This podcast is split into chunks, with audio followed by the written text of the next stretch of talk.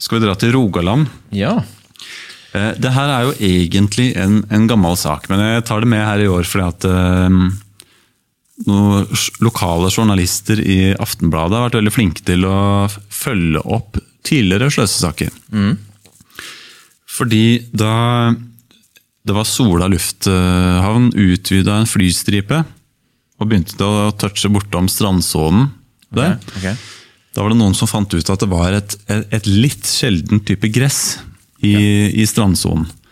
Um, de hadde riktignok funnet det rundt hele Oslofjorden og absolutt overalt i Danmark, men det, det var regna som litt sjeldent. Og da måtte man ta vare på det gresset. Ja. Uh, så det de fant ut, var at da skulle de flytte det gresset til en annen strand i området. Ehm, Fin tanke så langt. ja, Forholdsvis fin, ja, fin tanke. Ja, Ja. Det, altså det er jo det er et visst poeng ta vare på trua planter. La oss gjøre det. Eh, Så viste det seg da de skulle begynne å flytte det gresset, da fant de ikke det gresset. De Fant ikke gresset. Nei, Nei. det var vissent. Men de antok at det var jo frø i jordsmonnet. Ja. Så de ville likevel flytte jordsmonnet fra A til B. Ikke sant? Og eh, det, det ble en litt større jobb enn eh, enn tenkt, så de flytta 40 000 kubikkmeter med masse. Og Da er det litt vanskelig å ha et perspektiv for hvor mye det er. Men jeg fant ut at det er ca. 3000 lastebillass. Å, fy faen. Så det var jo opprinnelig en miljøtanke, men det prosjektet innebærer at du skal kjøre 3000 lastebillass fra A til B. Ja. Ok, da, da kan du begynne å tenke på det miljøregnskapet for det.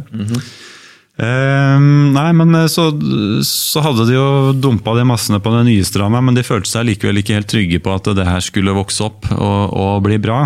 Fordi eh, faren er at bølger fra havet kunne slå inn på den nye plenen. Så de hadde faktisk fått det til å vokse opp. Det var frø i jorda. De var veldig redde for at bølger skulle slå inn, skylle masse salt inn på det gresset og ødelegge det igjen. Så da bestemte de seg. De skulle bygge en kunstig øy utafor stranda. Dette bare eskalerer der. For for å dempe bølgene som kommer rundt fra det åpne havet. Og så Nå skal de også bygge en kunstig øy, litt sånn Dubai-style, for å ta vare på noe gress. Eh, Så det her endte jo opp med å koste 50 millioner skattekroner for, eh, for noen år siden. Helt sinnssykt. Og så var det en journalist i Aftenbladet hadde lyst til å sjekke status. Hvordan, hvordan går det med gresset som vi investerte 50 millioner kroner i? Og da i mai fant de ut er borte. Så da endte eventyret der. Jeg har ikke sett noe mer, jeg har ikke sett noe mer forsøk på å prøve å vekke det gresset til live igjen. Men her var det da et, eh, et gress som var litt sjeldent i Norge. Finnes overalt i Danmark. Brukte 50 millioner kroner. Nå er det også forsvunnet. Altså, eh, det må være lov til å mene i hvert fall at eh, det gresset skal bevares, eller bør bevares, og det fins der osv.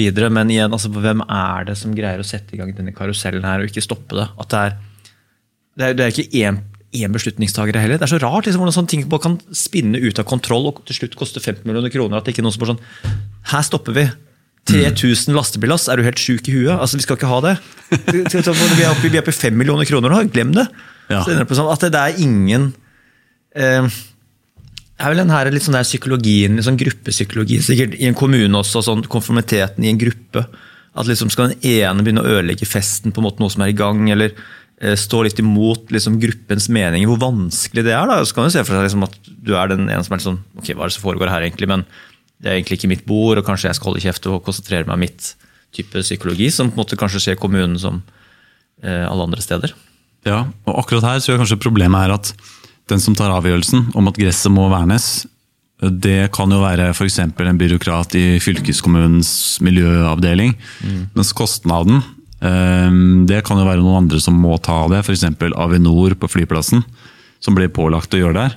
Så fylkeskommunen vil jo ikke da bry seg noen ting om Avinor får en eh, gigaregning.